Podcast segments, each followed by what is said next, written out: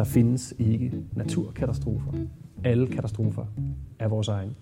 Jeg hedder Christian Lauter. Jeg er prorektor ved Københavns Universitet, og så kommer jeg med en baggrund som professor i jura med særlig henblik på kriser.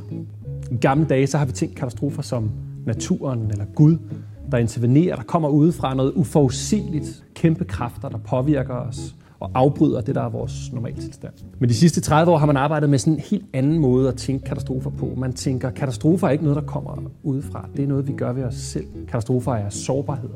Det er måder, vi bygger vores samfund på. Men når man så ser på, hvad vi faktisk lærer af kriser og katastrofer, så er det et forstemmende billede.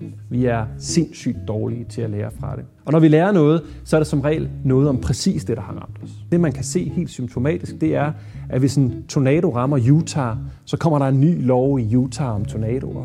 Og når en orkan rammer Louisiana, så lærer Louisiana noget om orkaner. Problemet er, at det i virkeligheden slet ikke er det, man burde lære. Man burde lære noget om Louisiana, og ikke noget om orkaner. Nu har vi lige haft en coronaepidemi i Danmark, som testede alle aspekter af det danske samfund, af vores beredskab, af vores kultur. Og det vi har lært, det er, at vi har lavet en ny epidemilov.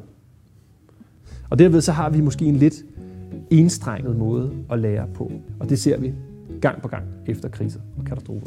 Men faktum er, at jo mere vi ved om jorden, jo mere vi ved om verden, jo mere vi ved om rummet omkring os, jo større bliver vores evne til at forudsige og forstå. Og som den vokser, så skubber den kant, vi kunne kalde force majeure, eller det uforudsigelige sig foran os, og bliver mindre og mindre.